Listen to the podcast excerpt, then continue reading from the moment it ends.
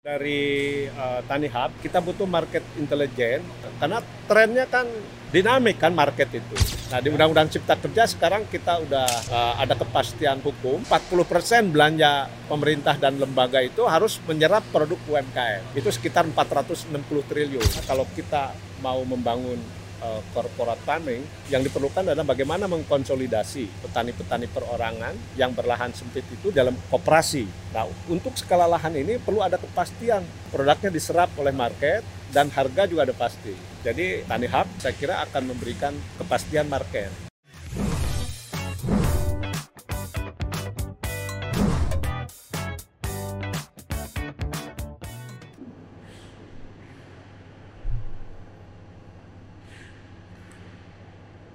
Halo, apa kabar? Kembali di podcast Tani Talks by Tani Hub Group dan masih di lokasi spesial kami NFC atau National Fulfillment Center yang ada di Cikarang. Tentunya ini bukan hanya fasilitas yang spesial buat Tani Hub Group saja, tapi ini juga sangat spesial untuk sistem supply chain di Indonesia. Nah, kalau uh, di episode atau volume pertama kita membahas tentang uh, petani milenial. Nah, pada episode atau volume kedua ini kita akan ngobrol-ngobrol soal korporatisasi pertanian. Uh, tamu kita kali ini adalah seorang salah satu vokalis band ternama. salah satu vokalis band namanya Elek Yo Band. Itu loh, uh, bandnya para menteri. Nah, karena yang hadir di sini adalah Menteri Koperasi dan UKM Kang Teten Mas Duki. Selamat datang Kang Teten. Baik, Ade, apa kabar? baik, terima kasih nih udah udah datang ke NFC. Kalau kalau kita lihat kan akhir tahun lalu Kang Teten sudah uh, mengunjungi PPC ya yang ada di Malang, fasilitas kita yang ada di Malang. Sekarang udah ngelihat yang NFC yang ada di Cikarang ini gimana kesannya Kang? Ya, ini luar biasa. Jadi waktu saya ke Malang juga saya terkagum-kagum karena di situ sudah ada apa uh, pengolahan ya grading uh, produk-produk grocery yang uh, modern seperti kita lihat di negara maju.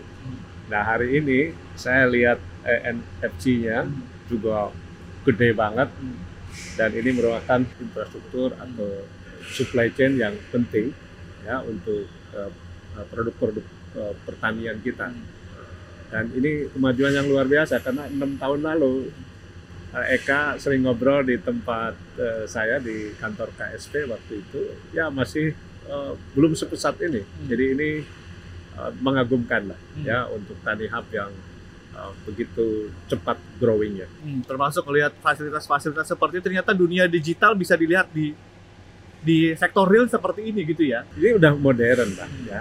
Jadi uh, dan kita memang saya kira uh, infrastruktur pertanian, hmm. perdagangan uh, ini memang kita harus tidak boleh kalah dengan negara-negara maju. Hmm. Dan kita memang harus menyiapkan kita menjadi negara maju, di mana hmm. kita juga punya potensi ke sana dengan backbone-nya industri pertanian dan UKM gitu ya Kang Teten ya. Betul. Oke. Okay. Kalau kita lihat kan Kang Teten juga sudah melihat fasilitas uh, yang kita miliki, yang di uh, Tani Hub miliki, uh, ada bagaimana upaya digitalisasi untuk pertanian, kemudian pembiayaan untuk pertanian UMKM, lalu uh, supply chain yang seperti ini.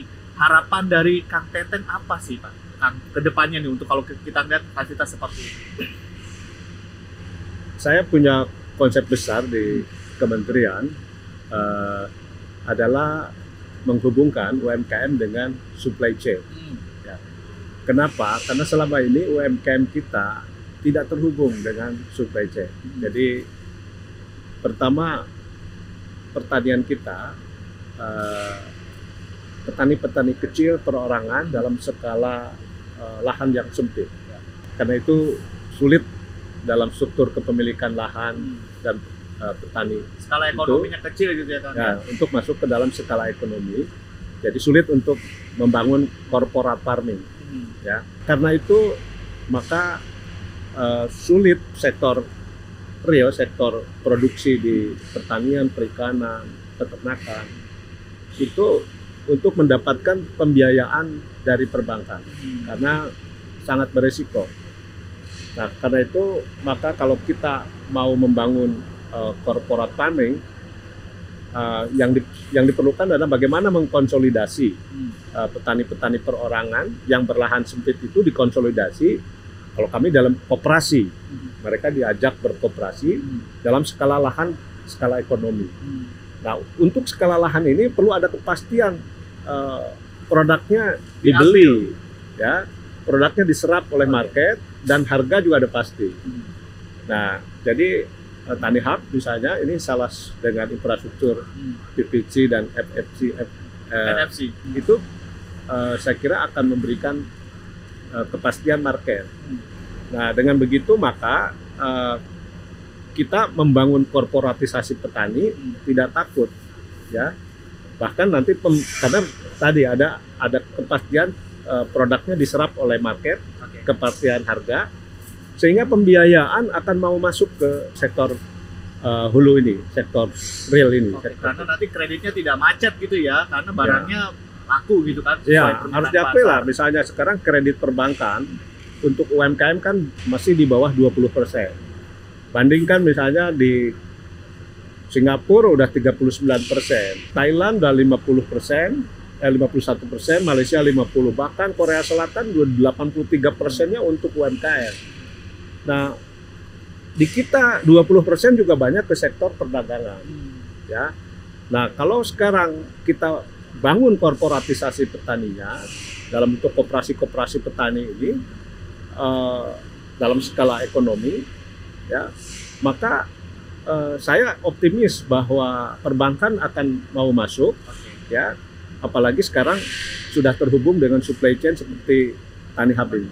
Jadi dari ujung ke ujung diurusin lah gitu ya. Kang Teten ya. Nah, ini yang yang mungkin nonton podcast ini kan ada juga uh, konsumen tadi hub, ada netizen yang kemudian melihat gitu ya.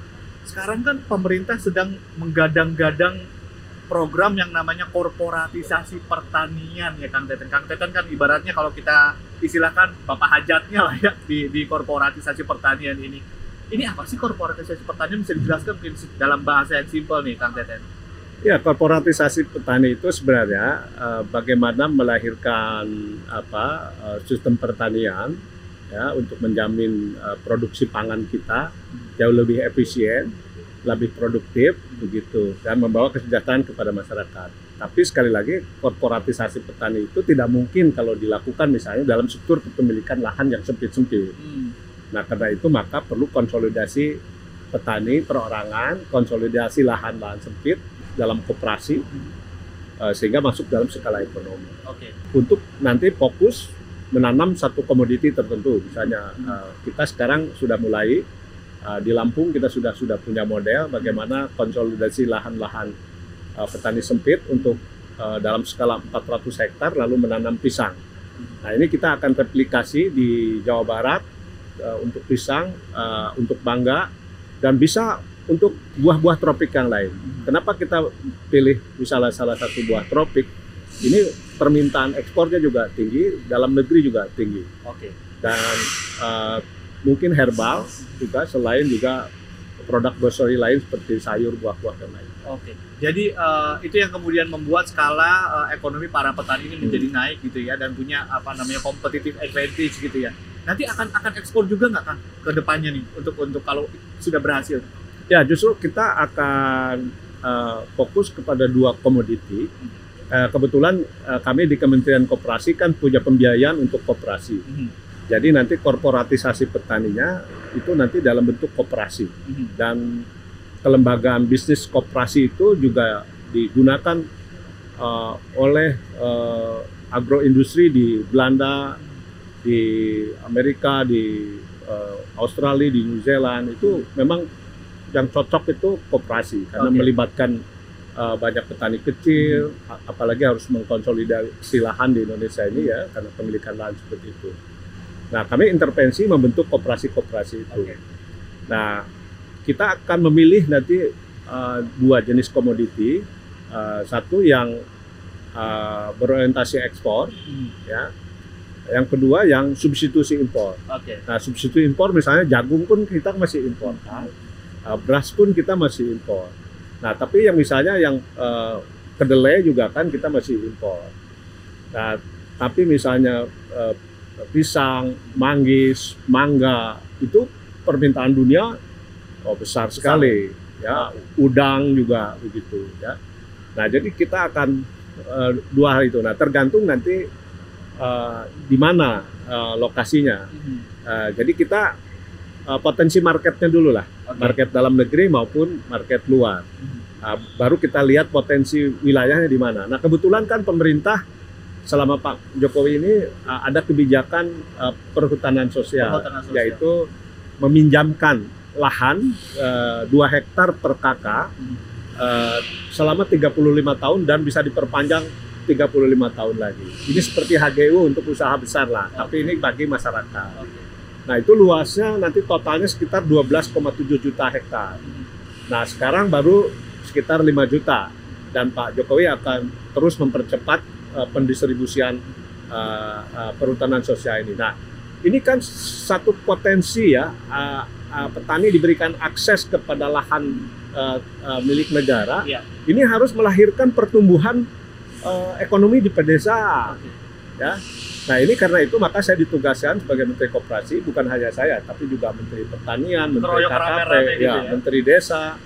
Nah untuk bagaimana mengkorporatisasi petani eh, penerima perhutanan sosial ini selain juga eh, dari yang existing sekarang misalnya petani-petani eh, apa yang sudah lama misalnya di eh, yang memproduksi padi itu juga bisa dikorporatisasikan. Oke, jadi lahannya dikasih, terus dananya dipinjamkan, dikasih Ya, oleh LPDB, LPDB, eh, ah. dari Kementerian Hmm. Kang Teten, lalu kemudian dibantu untuk bikin korporatisasinya, Hmm. lalu kemudian nanti kita kita nih seperti Tani Hub Group dan juga eh, swasta bisa untuk jadi off takernya. Nah. Nah, jadi saya, karena itu kalau kalau ada optaker, nah LPDB memberikan pinjaman ke koperasi ya dan bingkan perbankan katakanlah ada kur, ada oh, program-program pembiayaan mikro masuk ke petani di on-farm-nya itu tidak ada keraguan Oke. pasti mereka akan sanggup membayar eh, cicilannya Oh. karena pasarnya sudah pasti ada yang beli. Aman gitu ya. Aman. Nah, Kang Teten ngomong LPDB nih, dia eh, lembaga pembiayaannya dari eh, Kementerian Koperasi gitu ya. Saya dengar-dengar setelah dikelola oleh Kang Teten, dananya meningkat tajam. Ini apa yang dilakukan oleh Kang Teten waktu itu dan saat ini sudah sudah berapa dana yang, yang terhimpun di, di LPDB ini? Ya awalnya sekitar 2 triliunan, nah sekarang ditambah lagi eh, 2 triliun, tapi secara keseluruhan kan jadi 7 atau 8 triliunan. Ini sekarang kita fokuskan untuk koperasi dan saya dapat eh, tugas dari Pak Presiden untuk memperkuat koperasi di sektor real, koperasi pangan. Oke. Nanti bisa tambak udang, eh, bisa peternakan, ya sapi susu misalnya, atau bisa masuk ke ayam, bisa masuk ke juga eh, eh, petani buah-buahan. Nah, karena itu eh, konsep saya begini nanti ya, karena petani kalau langsung dengan bayar itu kan eh, biasanya merugikan petani, karena biasanya eh, bayar-bayar itu bayarnya mundur. Oke. Nah, kalau petani kan eh, sulit ya kalau diutangin begitu. Nah, sekarang koperasi yang akan membeli dulu dari petani anggota koperasinya. Nah, Dibayar. cash Yes. ya kan sehingga petani itu nggak usah mikirin dia harus menjual produknya ke mana. Iya, iya. Petani, peternak, petambak misalnya dia konsentrasi aja memelihara kebunnya, memelihara ternaknya supaya produktif. Nah, yang ngejual produknya itu nanti koperasi. Nah, koperasi dengan buyer, dengan optaker itu kan bisa diatur lah skema pembiayaannya. Yang penting nggak boleh diutangin dari petaninya, sehingga petani bisa beli. Nah, kami dari LPDB akan memperkuat kemampuan eh, keuangan modal kerjanya koperasinya. Oke. Nah, kalau nanti di petani di on farm-nya, nah kita harus mengkonsolidasi juga resources pembiayaan yang ada di pemerintah. Apakah dana perbankan seperti KUR, eh, juga saya kira banyak eh, modal-modal apa eh, pembiayaan mikro lainnya ya yang bisa diintegrasikan ke sana. Nah, saya tanya tadi Kang, kenapa pas Kang Teten kelola dananya makin gede makin gede nih LPDB ini? Apa yang apa yang Kang Teten tawarkan waktu itu? Ya salah satu kemarin kan pandemi. Ya, Pandemi Covid itu kan banyak eh, sekali produk-produk eh, pertanian yang tidak terserap market. Ada garam, ada bawang, ada kopi karena eh, dunia juga uh, berhenti ekspor ya. Uh, di, di dalam negeri juga kan KP-KP seperti misalnya kopi. Nah di Aceh misalnya banyak kopi yang tidak diserap di petani. Nah kita intervensi ke operasi misalnya di Baburayan kita pinjemin pembiayaan untuk operasinya lalu operasi membeli produk dari petani tapi market kan belum ada sebagian yang sudah bisa diekspor ya tapi sebagian tidak bisa. Nah, kami kerjasama dengan resi gudang BRI. Nah, jadi uh, model bisnis itu yang uh, saya sampaikan ke Pak Presiden karena itu Pak Presiden sangat mendukung konsep ini korporatisasi petani ini juga terintegrasi dengan uh, off taker ya dengan rantai pasok salah satunya juga resi gudang. Oke. Okay. Okay. Nah, Kang Teten tadi juga bicara soal pandemi banyak produk tidak terserap waktu itu ya dan juga banyak uh, pelaku UMKM yang terpuruk lah. Sekarang gimana kabarnya Kang para pelaku UMKM ini katanya hmm. sudah mulai pada bangkit lagi. Ini gimana? Mungkin bisa diceritakan ya. nih kan. Uh, garam ternyata udah bisa diserap sekarang okay. oleh market. Kalau seperti uh, bawang juga saya kira uh, bisa. Nah ya ini yang saya lagi urus. Uh, Presiden juga kemarin uh, menanyakan perkembangan lagi yang kopi di Aceh. Okay. Nah ini uh, kami akan selesaikan ya uh, uh, konsepnya uh, juga sudah ada yang bisa diimplementasi. Nah memang secara keseluruhan uh, UMKM di tengah pandemik ini kan uh, terpukul ya uh, karena rata-rata uh, turun omsetnya dan juga daya beli masyarakat kan juga rendah karena banyak yang uh, kehilangan uh, pendapatan, bahkan kena PHK. Nah, padahal ekonomi Indonesia itu uh, digerakkan oleh konsumsi rumah tangga. Yeah. Sebelum pandemi itu konsumsi rumah tangga itu mencapai 57 persen. Dominan ya? Paling besar, karena kalau investasi kan sekitar 30 persen lebih.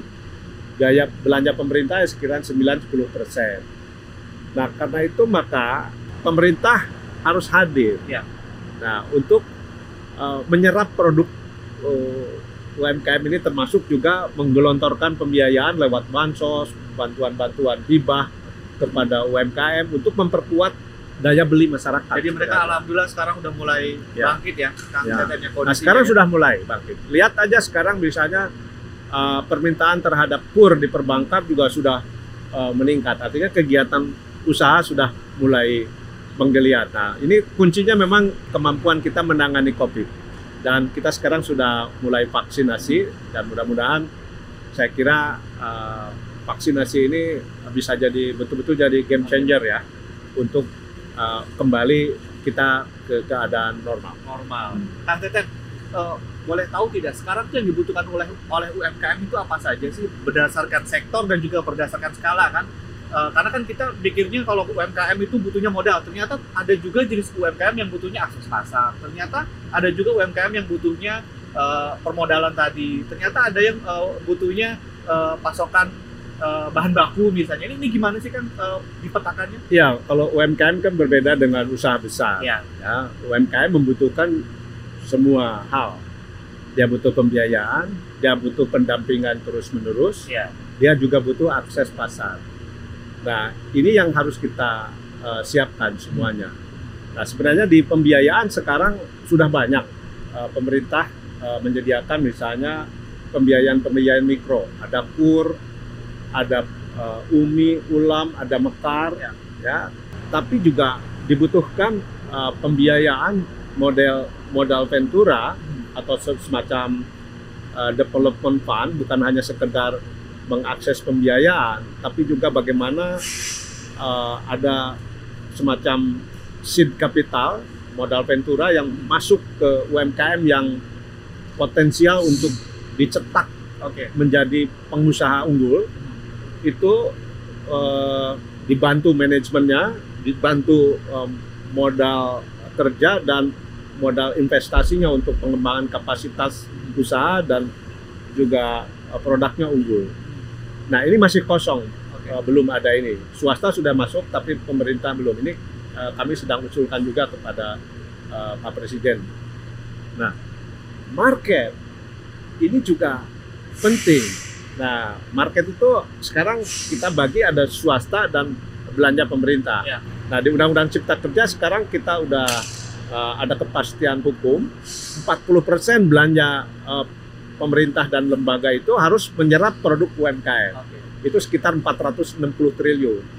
Nah, jadi nanti ke depan kita harus mendampingi UMKM-UMKM yang uh, punya produk yang bisa menjadi uh, vendornya pemerintah. Oke. Nah, yang swasta ini yang saya kira uh, kita uh, uh, perlu uh, memberikan ruang ruang uh, usaha ya uh, seperti di mall termasuk juga di uh, infrastruktur publik, di pelabuhan, di bandara, di stasiun untuk memberikan space usaha bagi uh, UMKM. Karena itu senang misalnya dengan Tani Hub juga uh, karena Tani Hub pada spiritnya uh, uh, apa startup uh, di teknologi digital yang bermitra dengan uh, petani-petani di sektor pertanian. Oke. Nah, ini yang uh, saya kira uh, bisa menjadi uh, rantai pasok daripada tani. Jadi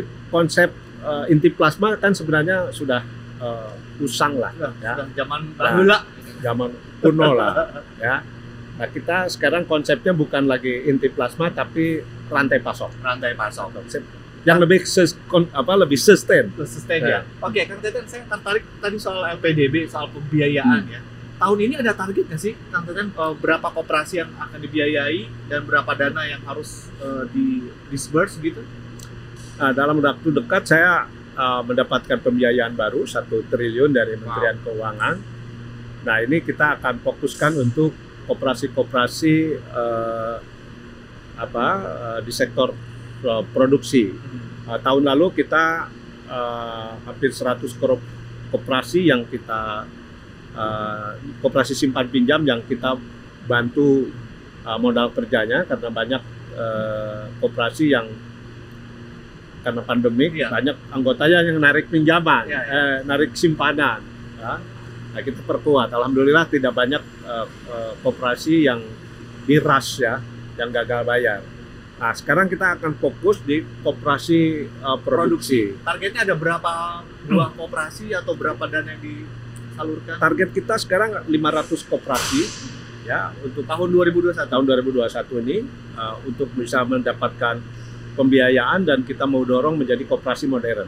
Ya, ko- koperasi modern itu adalah koperasi yang uh, mulai masuk uh, menggunakan teknologi digital, manajemen yang profesional, dan juga mulai masuk ke produk yang unggul.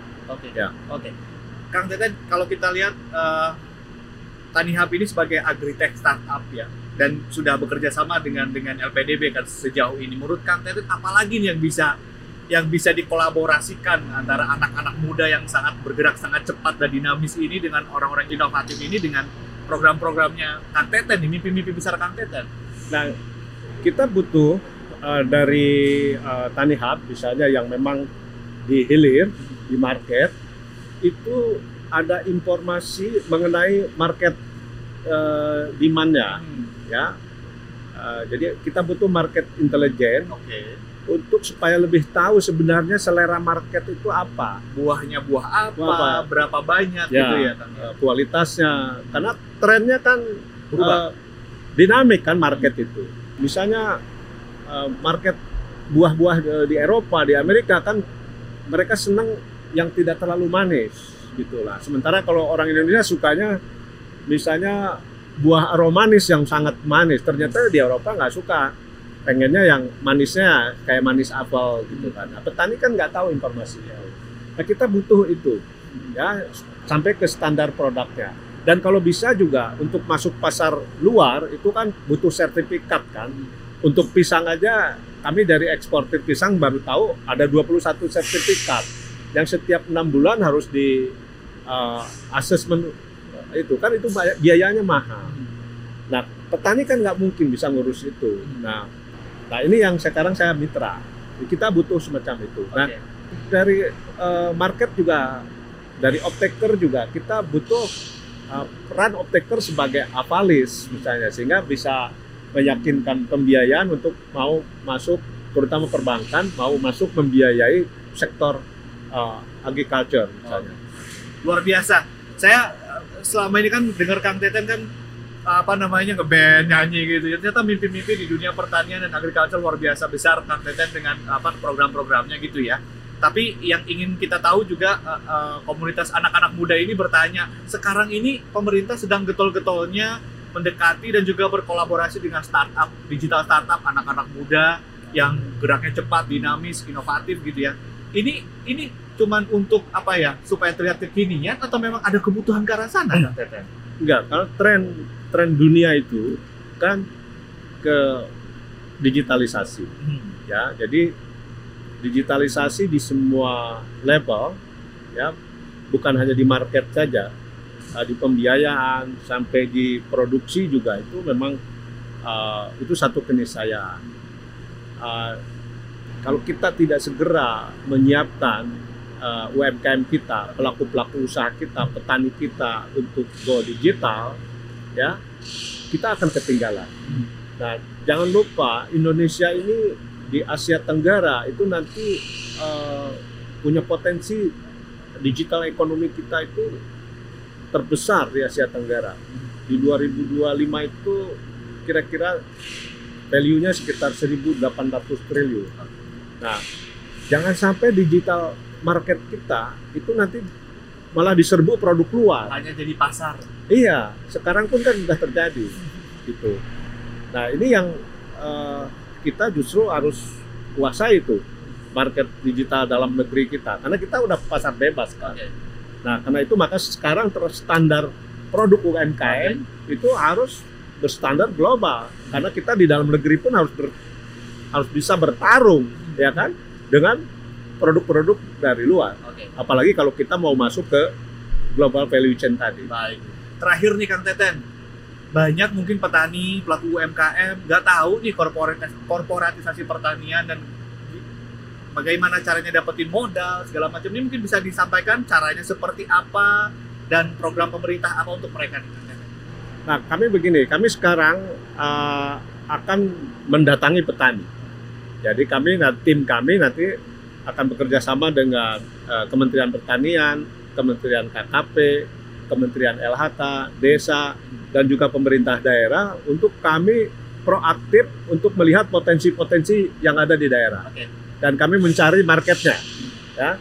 Nah jadi eh, kami yang justru nanti bersama eh, optakernya eh, akan melakukan edukasi langsung kepada masyarakatnya ya kepada petani-petaninya jadi nah ini yang saya eh, yang penting nanti kita apa eh, bagaimana memudahkan eh, kita terhubung tadi ya. Oke. Dengan Jadi, semua Kang Teten dan anak buahnya yang nyamperin nanti para petani ya, bukan Ya. petani yang cari-cari Ya. ke Kang Teten gitu Ya, ya. karena sekarang saya targetnya eh, market demand. Jadi saya cari dulu marketnya. Oh, butuh misalnya pisang. Ah, ini saya juga misalnya dengan GGP eh, eksportir pisang. Saya ambil eh, oke butuh pisang apa. Nah, saya cari lahan petani yang punya eh, cocok untuk tanam pisang itu. Lalu kita bikin koperasi, kita perkuat pembiayaannya.